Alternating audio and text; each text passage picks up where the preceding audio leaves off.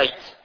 Uh, you unlocked the doors that we bolted in there, and they're full of horrible mangy things that would make Linda go, ooh, or worse. Uh, because this building still is in a process of being made. It's being built into something for a purpose. Can I tell you that if you've ever had the idea of doing a building project, that is a borrowed idea. You are not the originator of it. Because the building project is by God. In fact, it would be fair to say that he did a building project, then a rebuilding project. He did sort of, um, uh, you know, a grand designed makeover, cosmic edition, when he said, I'm going to build for myself a people. And the centre of all his buildings projects is not easy, uh, sorry, not difficult to remember. It is always his presence with his people. Did you know that you were made to be a knower of God, to dwell in fellowship with him? And to help us, because we're stupid and sometimes a bit slow, he gave us some big pictures of what that would look like. Okay, so where's the, yeah, uh, click up the first one, click up one, there we go. So way back when God appointed Israel to be his nation, he rescued them out from slavery, and he gave them something to build. He built, gave them, I was about to say, do you know what it's called? But it's sort of got it written up there now, hasn't it? Uh, it's called the tabernacle. And what it was, was it's just like a mighty tent. And there were all the Israelites in their tribes on the north, south, east and west. And there was this designated area. And inside the sort of outer tent was the inner tent. And in that inner tent there was a section called the Holy of Holies where God dwelt. Now what's the problem about getting in? It's closed. You can't knock on the front. There's no doorbell. And if you did press the doorbell, you would be sent packing unless you were one of the priests, or unless you were the high priest, you didn't get into the main thing. So it's a sense in which, from when God first calls a people, he is in his people, but separated from them, and not quite with them. Okay, and then fast forward about 500 years, and we end up with this. Does anybody know what this one is called? Oh, oh no, no, no. Uh, that's another picture of the tabernacle. Okay, so that's basically what it would look like. Really big tent. Okay, there's the Holy of Holies. You see the Ark of the Covenant inside. That was where God, God was uh, said to dwell. Although it does say in the Bible that you know it's not like the Lord was contained in there in a house as if you put God in a box. Although we sometimes try it day by day, don't we? Anyway, next picture, if you would. Fast forward 500 years. What's that called?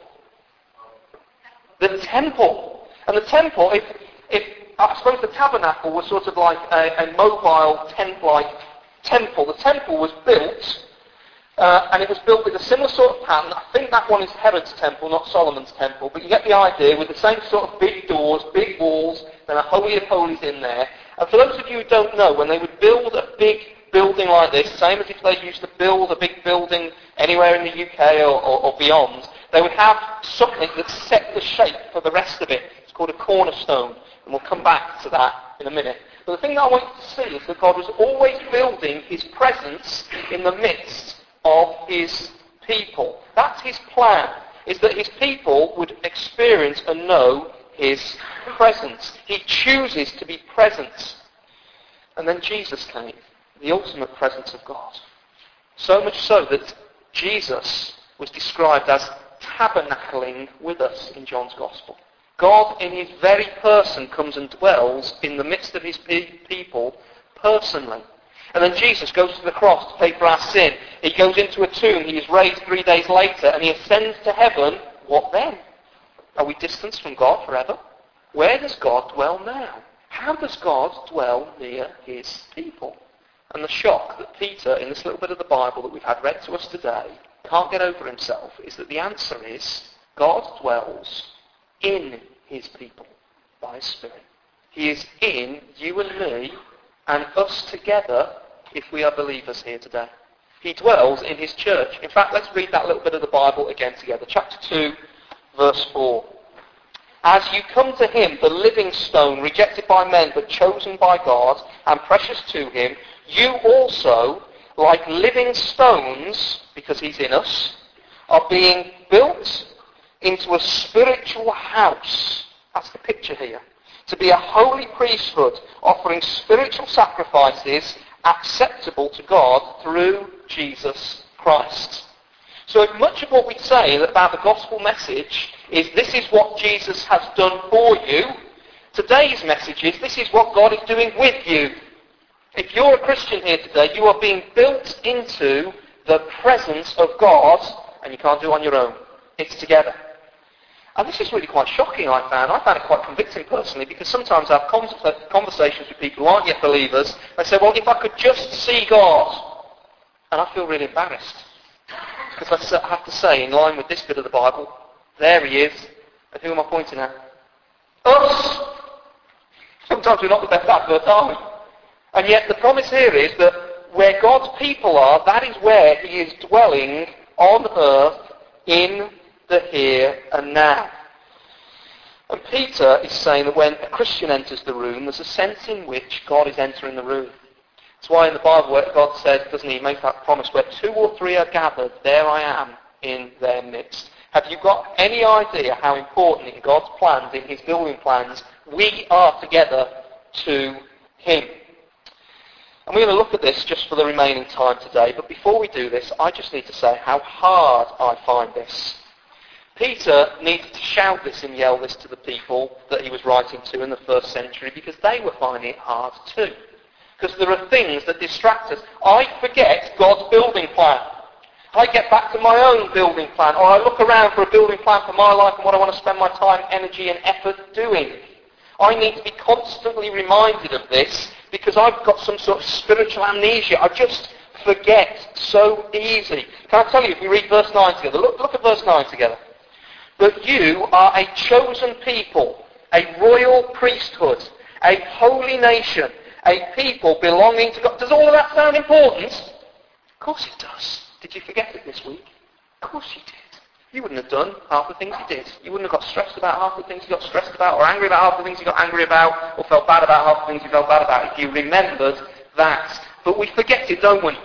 And that's why Peter is shouting it at us. You and I, we can be deeply persuaded on a Sunday morning and then we go out somewhere else and we just get assaulted with other building projects.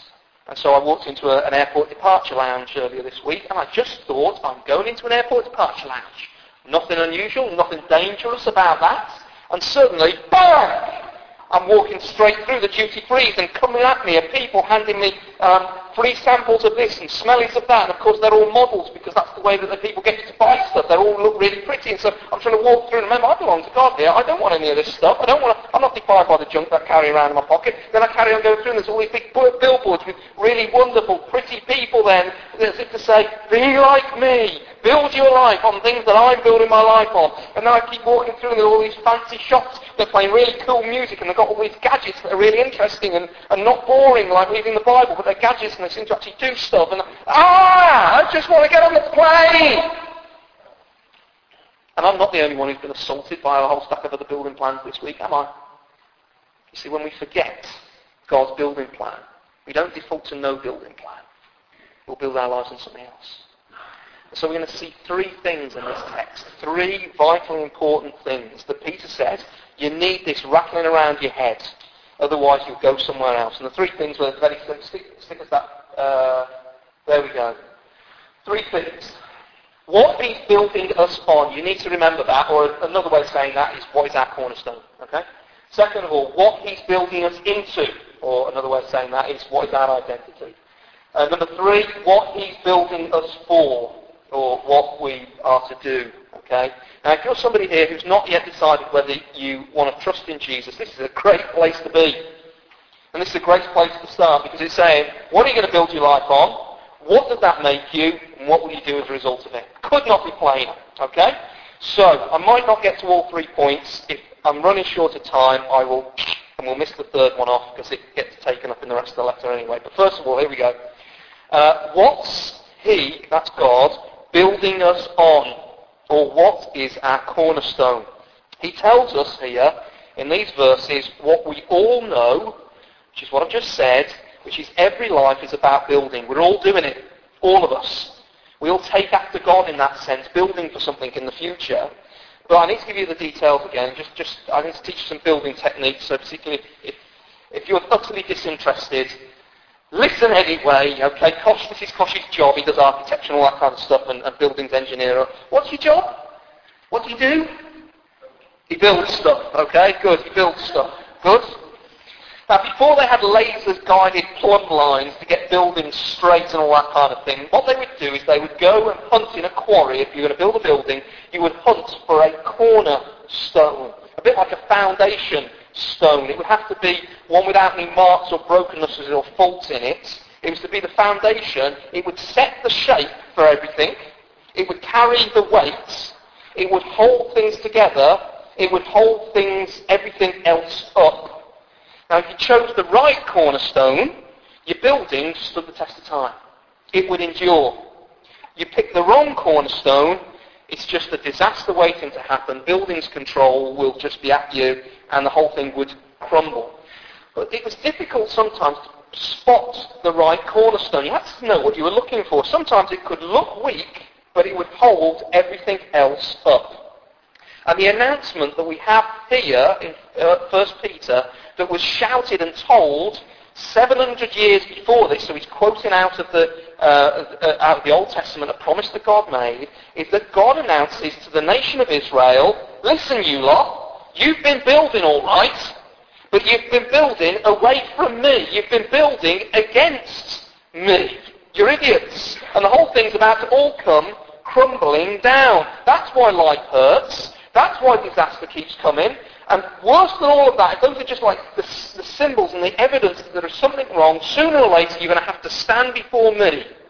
And you will be put to shame on that day if you've built your life on anything other than what I say you should build your life on. You're lost, Israel. In fact, he announces that, doesn't he? But that's not all he announces. Look down at verse 6 and 7. This is God speaking. See, I lay a stone in Zion, a chosen and precious cornerstone, and the one who trusts in him will never be put to shame. So what's he doing? He's making an announcement. He's saying, I'm going to intervene. I'm going to step in. I am going to lay the ultimate cornerstone. The thing for you to build your life upon. Can I tell you about it? I'm so excited, he says. It's precious. It's a chosen one. It's the only one that can actually carry the weight, not just of your life, but of the lives of, of if necessary, the whole world. If everybody should turn to this cornerstone. In fact, it's a he, it's not an it. When he comes, he will be able to take and bear the weight of your expectation. He will be able to give you shape. He will be able to hold you up. He will be my choice. He is what you need, and He is precious to me. What's His name? Jesus. Don't ever get tired of thinking about Jesus as the cornerstone. He is God's chosen, precious cornerstone. The one on whom every life on planet Earth should be built. Build it on anything else, calamity is just round the corner. It will crumble. God has promised it. What are you building on today? What are you building on? But what did they do, Israel, when they got this news? What did the religious leaders, what did the people do? Well, verse 4 and 7 tells us. Verse 4. As you come to him, the living stone, what happens? What's that first word? Rejected. Look at verse 7. Now, to you who believe, this stone is precious, but to those who do not believe, the stone, is, the, stone the builders, what? Rejected, has become the capstone cornerstone, foundation stone. So here, God offers something up and says, this is what you're supposed to build your life on. And what happens? It, no, he gets rejected. That's what the religious leaders of Israel did again and again. You see, they wanted to build their life just like everybody else. All of us, we all build our life on something. But what we do is we look at Jesus and we say, well, I want to build my life on this and this and this. And if I build my life on Jesus, it will get in the way. I want to build my life on my education. And my plan to make my life goals happen the way I want them to do. And if I turn to Jesus, that won't work, so reject Jesus. I want to build my life on getting power and control in the situations that I face, or getting notoriety, or getting a bit of fame. And if I turn to Jesus, who appears weak at first glance, I be able to go there, so I'm sorry, I'm rejecting Jesus. I want to build my life on getting the right life partner. I'm going to get a spouse who will be my saviour, and if I just get that person to know me and love me, then I will feel whole. Yeah, good luck with that. I'm going to build my life on my kids. I'm going to spend all my time and all my energy And the focus my affection and my attention will be to give them the future that I think they should have. And suddenly they leave the house, or they make poor choices, and you're destroyed. So what we have here is people who say, I know better than God. That cornerstone isn't much good for the building that I want to build. Reject. And that's what happens. In fact, it's stronger than that, isn't it? It says, no, it's offensive to me. The idea that God would want to step into my life and tell me how I should be building. I can be my own cornerstone. How dare you tell me that I need you to save me, God? So really today, this morning, the question for all of us today is simple. Who are you going to believe? Who are you going to believe? Are you going to follow the model of Israel? Or that model repeated again and again and again in people that we know, even perhaps our own life. We've not really got a good track, track record of building for ourselves, have we? Or are you going to believe what God says? I've picked you a chosen cornerstone, delivered, perfect, just what you need. He is the only one who can hold your life up. Not religion, not a 10-step plan. He's not an object. He's not a, a, strategy. He's a person, a living stone. He's the only one you can rest your life on. He's the only one who can carry your weight. I promise you this, says God in verse 6. You won't be dropped. You won't be put to shame. If you build your life on Him, He will never, ever fail you. So others come and say, hmm, this is the Saviour. No, He's not. This is the one to build your life on. No, on my own way. This is the most precious thing that God has to offer. No, He isn't. And people end up just getting in the way of God's plan. So what do we do about that? What do we say to people when they say, Jesus isn't the thing to build on? Well, we lovingly and we graciously come to people and we say, please, please, please, look again at Jesus. But Peter here wants us to know that when people reject, that won't get in the way of God's purpose. It won't. Spurgeon, great Baptist preacher, just like another one you may be familiar with, uh, said to his congregations in 1856, he who would place himself in front of a fast-moving railway car will be crushed and would be just as foolish as you who are opposing the gospel. If the gospel is true, remember that truth is mighty and must prevail. Who are you to attempt to stand against it or him? You will be crushed. But let me tell you, when the railway car runs over you, the wheel will not be raised even an inch by your size. For what are you? a tiny gnat, a creeping worm, which that wheel will crush to less than nothing and not leave you even a name as having ever been an opponent of the gospel. Let all the infidels in the world know assuredly that the gospel will win its way, whatever they do. Poor creatures. Their efforts to oppose the gospel are not even worthy of our notice. And we need not fear that they can stop the truth. They are like a gnat who thinks he can quench the sun. Go, tiny insect, and do it if you can. You will only burn your wings and die. Likewise, there may be a fly who thinks it could drink the ocean dry. Drink the ocean if you can. More likely, you will sink in it, and it will drink you. What does this mean for you and me? Jesus is the cornerstone and cannot be beat. Come to him now you can. Quickly. We're not messing. We're not messing. So why has Peter put this here? Why is he having to tell us what he's building his, what God is building his building on? I think there's two quick things, and then I'll move on to the next point. The first one is in verse 4. Can you see the very first words of verse 4? As you come to him. Which in the original is a, it's a present continuous, so it's a bit more like, as you keep coming to him. My question for you today is, have you done that? Remember, when we become believers, we don't say, right, tick, Jesus done that, move on with the rest of our life. What we do is daily, regularly, we choose who, what building project we're going to go to, where we're going to put our weight. My question for you today is, are you coming to Him? Daily. He doesn't send you to do a list of rules. He says, first thing in the morning, come to me. Otherwise, you're not going to build on me. That's not rocket science, is it? So please, I think the Lord's smiling on this. You might not like it, but He's smiling on it. Get a hold of it and use it. Don't you dare go thinking that you're going to be able to build on Him if the only dose of Him you get is on a Sunday morning. Oh, come on. That's not, not it's not common sense. Uh, so it, yeah, that's not common sense. The common sense is you keep coming to him. I need him, otherwise I'll be distracted. I'll need him, otherwise I'll build on the Casey model of building. And the Casey model of building leaves an awful lot to be desired. I can say that about the Fisher model of building, and the Campbell model of building, and the Langton model of building. Unless I'm coming to him, I'm going to build on those foundations, and it won't last for long. That's why some of you have got eyes like this, because you're worn out trying to build your plans. He doesn't call us to go to a scheme or even a building. He calls us go to him. You can go to him. You need to.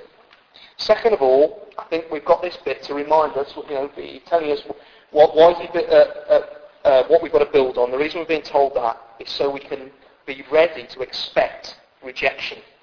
Be ready to expect rejection. So these, that's what a lot of these verses are telling us here, aren't they? Sometimes it's easy when you look at the low numbers in here, you think, hold on, there's 12,000 people in Speke and there's about, what, 60 of us in here, if that. Are we doing something wrong? Do we need to be offering people a new experience? Do we need a new and better preacher? Probably. You're very welcome, Anthony. We've waited a long time. Uh, do we need better music? Do we need this? We, is that it? And what he's telling us here is verse 8. Look at verse 8. It's so powerful. And a stone that causes men to stumble and a rock that makes them fall, they stumble because they disobey the message, which is also what they were destined for. People will bump into Jesus and want to get as far away from him as possible. That won't stop God's plans. Now I just want to talk about something very difficult and theological for a second, because it's incredibly important to a number of you as you've been speaking to me recently. Here we have a verse that tells us they will stumble because they disobey the message, which is also what they were destined for. Some of you in here are terribly worried about some of your relatives who've not put their trust in Jesus. Some of you have got a burning passion to pray, sometimes with tears, for your friends what are you supposed to make of a verse like that? Or if you're somebody here today and you're tempted to say, well, I was destined to not follow Jesus, so I'm okay, I can keep quiet. What are we to make of that?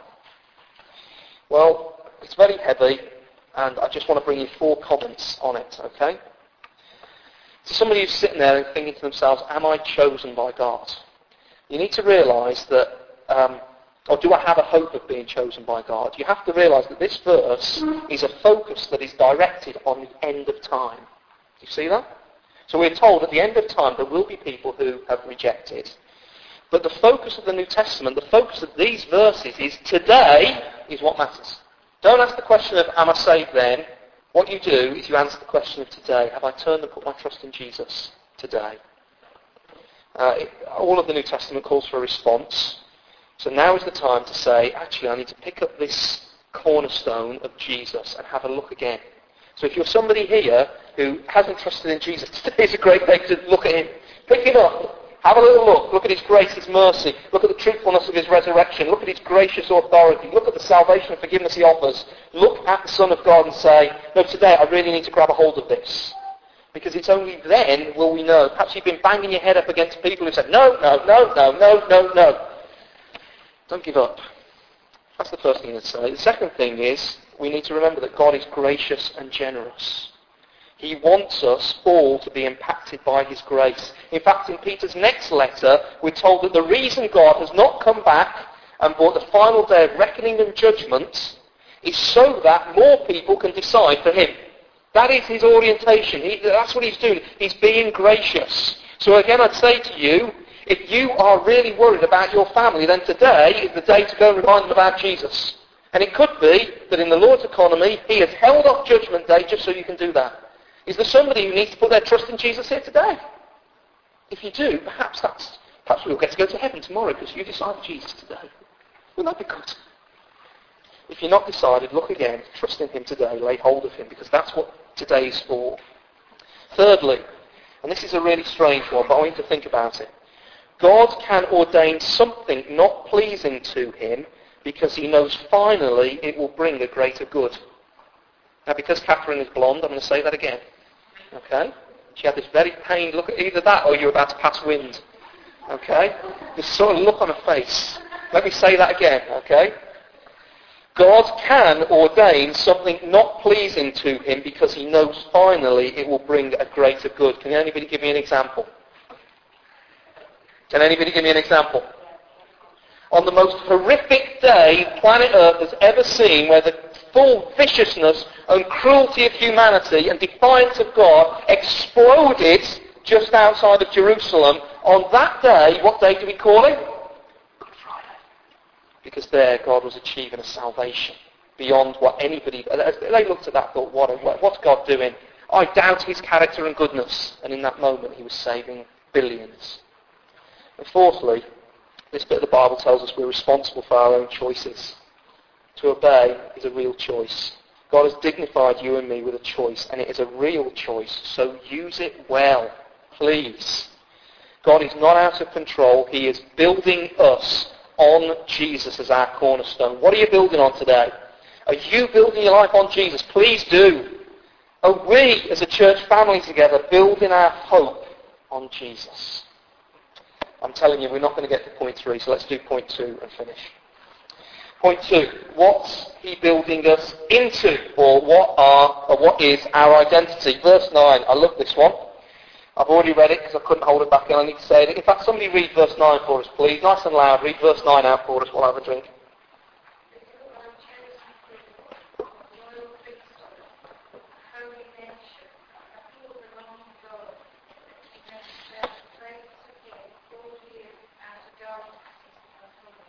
Thank you for reading that. And we need to hear that again. I wouldn't normally say cut this out of the Bible, put it on a photocopier, blow it up, stick it to your fridge. Okay? Get a knife and cut it into the in, underside of your eyelids. Put it on you and get it memorized. Get it learnt. Because just as I'm tempted to build myself on stuff other than Jesus, I'm tempted to forget who he has made me and get my identity wrong. Put simply, you can't live all for him unless you daily embrace who you are in him. I'll say that again. We, oh, yeah, not you, let's do it corporate. That's how it is in this passage, it's corporate. We can't live all for him unless we daily embrace who we are in him. That's why Steve gets on the phone and on the text messages saying, you better get to church. This is not about Steve trying to put people in pews. This is about the fact that God has made us to together express our identity. And if you're not doing that, you're being disobedient. You're saying, I know better than you. I'll create my own identity. I'll do Jesus and me. That's not here. Not here at all. So my question is, what are you building your identity on? Or what, what do you see? Are you embracing other people writing an identity over you? Can I tell you, we do this day in and day out. Let me give you three examples. And there are more. Three examples of how we can sometimes let another identity other than what Christ has done be written over us. Here's one. You say, I am my past. I did some stuff and I, oh, it's still hanging over me. I can't shake it, shake it. It keeps coming back. It keeps shaping the way I feel about life and where I'm heading with my life. Or some of you say, I, I am my past. Someone did something to me. That church, that family member, that situation, that betrayal, I can't get past it. It shapes the way I do relationships now. It shapes the way I think about who God is. I am my past. Another identity that we take a hold of is I am my performance. I was brought up to work hard, good old Protestant work ethic. I was raised that way. I had to be perfect. I had to do right. When I don't do right and things don't go to plan, I get waves of guilt coming all over me. I try so hard. People think I've got it all together, but I'm on a treadmill and it feels like at any moment I'm going to drop the ball that sound familiar to half of you? At least a couple of you are honest enough to nod your head. I'm my past, I'm my performance. What about this? I am my problems. One thing after another, a health problem, a people problem, a money problem, drama, drama, drama. I'm not pretty enough. My wife's always nagging and on the case. My kids are a disappointment. One problem after another. It seems as if my problems are all I can ever see. Do these sound familiar to you personally, to people you know? I'm my past. I'm my performance. I'm my problems. And when you keep trying to live out of those, the devil wins. He just wants to get you to forget all that Christ has done to change that. Now those things are not unimportant, but you make them into an identity and you're going to be squished. Peter knows it. Peter knows, and it comes out in this letter, and we haven't got time to dig into it, that those issues are issues that the people he's writing to are facing. And so he, rather than just pretend they're not there, he just says, look, you need to see who you are in Jesus. You need to see who you are. You need to see what he has done for you. Otherwise you will live under the writing of those things. Peter decides, and he, could, he was all of those, by the way, Peter. He chooses to decide to believe what God says about him. And all that God says about him, I mean, those things that we just had read in verse 9, they're all things that describe Jesus. Jesus is, verse 9, the chosen people of God. He is the royal priest. He is the holy nation. He is the possession, the people belonging to God. He is all of those, and he says that because you're in me, because you're mine, because you've built your life on me, and you're attached to me by faith, all the things that are true of me are now the defining things that are true of you, believer. That's what he says. So very quickly, let me rattle through these four, okay? Uh, where is it? Right, first of all, you're a chosen race. So think of the nation of Israel. They were called and chosen, but got, sm- got smug and thought they were chosen because there was something cool about them. And you know the temptation of this. You said along with Israel, when Israel said to the Lord, so uh, Lord, um, why did you choose us then? Um, was it because we're dead strong and big? No, you're one of the smallest nations. Was it because, uh, well, we're righteous? We're so righteous and good? No, you're a stiff-necked and stubborn people. Or is it because of our awesomeness? Because we're awesome? No, you're a waste of time and you're incredibly high maintenance. Would that work with my wife, that approach? She says, tell me, what made you love me? Was it my brains? yeah, right. Was it my beauty? Or the other one love? I'd get punched, wouldn't I? The Lord says, I love you because I love you. Can I tell you that makes you totally secure? Because the reason for him choosing you does not sit in you. If it sat in you, you'd be utterly insecure. But if the reason for him choosing you is in him, then you are as safe as houses. Because unlike you, he's faithful. Unlike you, he is true. Unlike you, he is committed. Unlike you, he's reliable. You are a chosen race. You're safe. And it is this choice of God that we must allow to define who we say see ourselves as primarily. Can I tell you that if you're a chosen race or a chosen people, you are more defined by what God has done than your colour, than your accent, than your financial status, than your background. Here's the one that we don't like and speak, than your family. This identity trumps everything. Not that those things are insignificant, but this one trumps it. You now have more in common with a one-legged tramp, tramp from Bangalore who knows Jesus than you do with your own daughter who doesn't. I've got six daughters. Who are you? You're a chosen people. Second of all, you're a royal priesthood. You see that? A royal priesthood. And the key thing about priesthood you need to remember is one word. Access. Access. Do you remember them pictures? Could you get in by pushing the doorbell? No. Could you get in the temple by wearing the right clothes? No, you couldn't. You got no access. Here we have access to God in a way that others don't through Jesus. Don't you ever forget that. For thousands of years they kept building that blinking tent saying, I wish I could get inside to be near God. Could they? All the wishing in the world wouldn't make it so. But through Jesus, the one who, who he, tore the temple curtain, remember, top to bottom, massive big thing, access open to God, and this isn't for a select few, you are a nation, a royal priesthood, all of us. So whatever your surname is, whatever your background is, we get access. You don't need to come to Steve the pastor. You don't need to go to Anthony the pastor. You don't need to go to some dude to give you confession. You've got access to God through Jesus Christ. He has made us all a royal priesthood. So we represent God to people, and then um, we meet, uh, represent people to God as we pray. Now, there were only a few in the Old Testament, but now there are a nation. We've got access. I was watching yesterday the uh, Giro d'Italia, which is, you know, cycling stuff. And there's sort of all the barriered off areas where all the teams go, and they do all their planning behind them so that none of the other plans can be seen. The same sort of thing as the Grand Prix that's on this afternoon, Spanish Grand Prix. You've got the pits, and if you want to get in, you need to have your badge. Otherwise you can't get in the pit lane, can't go near there, you don't get access. And the hoi polloi people like you and me are like, wouldn't it be, well, if you like motor racing or cycling, wouldn't it be cool to go and find out what they were doing before they put the suit on? Wouldn't it be cool to find out what they do afterwards? What do they actually do at the after-race party? Who knows? Can't get in. But I get excited. Wow, wouldn't that be cool? No. Not compared with this. You've got access to the throne room of heaven. Jesus is letting you into all his plans and purposes. You're a real royal priesthood. Next one, you're a holy nation. This is all about being distinct. Remember, we've learned over the last couple of weeks the word holy simply means separate, separated, apart. And I know some of you feel different. You do, don't you? You know you love Jesus, and you're amongst a bunch of people who don't, and you feel a little bit different. Peter knew that too.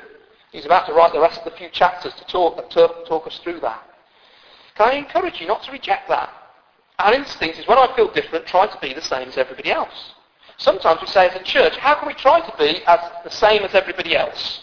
When here we're being told we're supposed to let our difference shine out so people can see who Jesus is and what he is like. We're supposed to be distinctive. And I thought a little bit about all the different ways in which different races are distinctive. Not all of them, but some of them. So uh, I, I had to notice that Africans, we have some today, big shout out to Africans, they are known and distinctive for amazing levels of hospitality. They just pour just shame on us Brits because they know how to offer hospitality properly. I was watching, like I said, the Giro d'Italia. The Italians, what are they marked for? They talk with their hands, don't they? They're all over the shop talking with their hands. They're brilliant. Scandinavians, what are they known for? Well, they've usually got sort of blonde hair, slightly tan skin, and they're very, very reserved and understated. Aren't they brilliant? Scottish people. Let's move on. So what is the distinctives of our nation? We're set apart for God. And I want to spend an hour telling you all the different ways, but you've got to wait for the next few weeks because that's what the next few weeks is all about. But it's just enough to say, you are a distinctive, holy, set-apart nation if you know Jesus. That's what we are. Fourthly, and quickly, and finishing here we go. God's special possession. And this carries the idea, what does it say there at the end of there? Uh, people belonging to God. We've got an ESV. ESV Bible translate. Do you want to read that for us, that little phrase? You see that? And the idea there, I understand, I'm not a, a Greek scholar, but I understand the, the idea behind the word is that it carries the idea of to embrace something and to enclose it and draw it near. So it's like wrap it up and keep it close to you. A special possession. Can I ask you what object or thing do you value most? And if you're self-deluded, ask the person you came to church with. They'll tell you. They'll tell you what it is. Think what it is. Okay? Whatever that most valued thing is, how much does it cost? Oh, it's expensive. Is it a family heirloom that cost somebody else a lot? What was it? What do you do with it? Like wave it around? No? Do you shove it up? What do you do with it? How do you guard it? What do you do with it? How do you keep it safe? Now think for a second. We are God's treasured possession. According to this. We're his special possession. We were bought at a great price. Jesus Christ bled on the cross and died so that we could have that salvation. Is, whatever you've got, chicken feed compared to the price that Jesus paid for you. How does he guard us? He guards you utterly and totally. We are his special possession. And these little churches that received this letter from Peter, just like us, were being made to feel worthless, mocked, and sneered at. They needed to know that Christ had made them his special possession. Do you believe that? Most of you sit here and think, I believe that for him or her sitting next to me. Don't you? If you only you're honest. I knew you, you'd admit, yeah. We all think that, yeah. So over there, You know, Sue's sitting there, she said, yeah, it's true for me, mum, but it's not true for me. Kosh is sitting there to Trudy, yeah, yeah, true, Trudy, she gets grace, but I have to work really hard because I'm a church elder. Nathan's just sitting there. Do you have any idea how precious you are in the sight of God through what Jesus has done? Please, could you take this verse and could you put it on your fridge? Memorize it. You are a chosen people, a royal priesthood, a holy nation, a people belonging to God. So, Steve's going to get you to be active. You, we're going to say this together. Can we remember those four things? I'm going to test you next week, okay? You are ready, a chosen people, a royal priesthood, a holy nation, a people belonging to God. Janice, what would you give that in marks out of 10? Give it a what, sorry?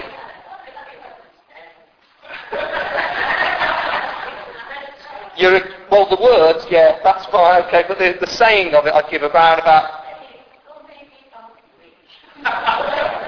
Should we try again, shall we, Janice? Okay, ready? You are a chosen people, a royal priesthood, a holy nation, a people belonging to God, and that includes Fiona and Kosh and all of us, doesn't it? And that changes the way that you see and hear everybody here. This is the thing. This is who God is making us. He is building us into His special people who will shine and work for Him. This is how God sees us as a treasured possession. These are not people in this room to be used and abused, but to be embraced and loved. We are family together. That is God's plan for your life. That is God's plan. That is what He is building us into. And so as I promised, we're going to finish just there. And the rest of the three weeks is going to be what he's building us to do. And it comes up in verse 5 and it comes up in verse 9 that we may offer spiritual sacrifices, that we may declare the praises of him. In other words, it's all done so he gets bigged up. So all the glory goes to him. If you're somebody who's heard this today and says, I want to glorify God, tell me how to do it. And please, read ahead. Pray ahead. But for the moment, we're going to turn to the table once we've sung a couple of verses. And as we turn to that table, this that speaks of what Jesus has done, I want you to be picking out one of those things there. One of those things that Christ has declared for you and turn into the main thanksgiving point in your heart in a minute when we come to this. Let's stand and sing the first two verses together.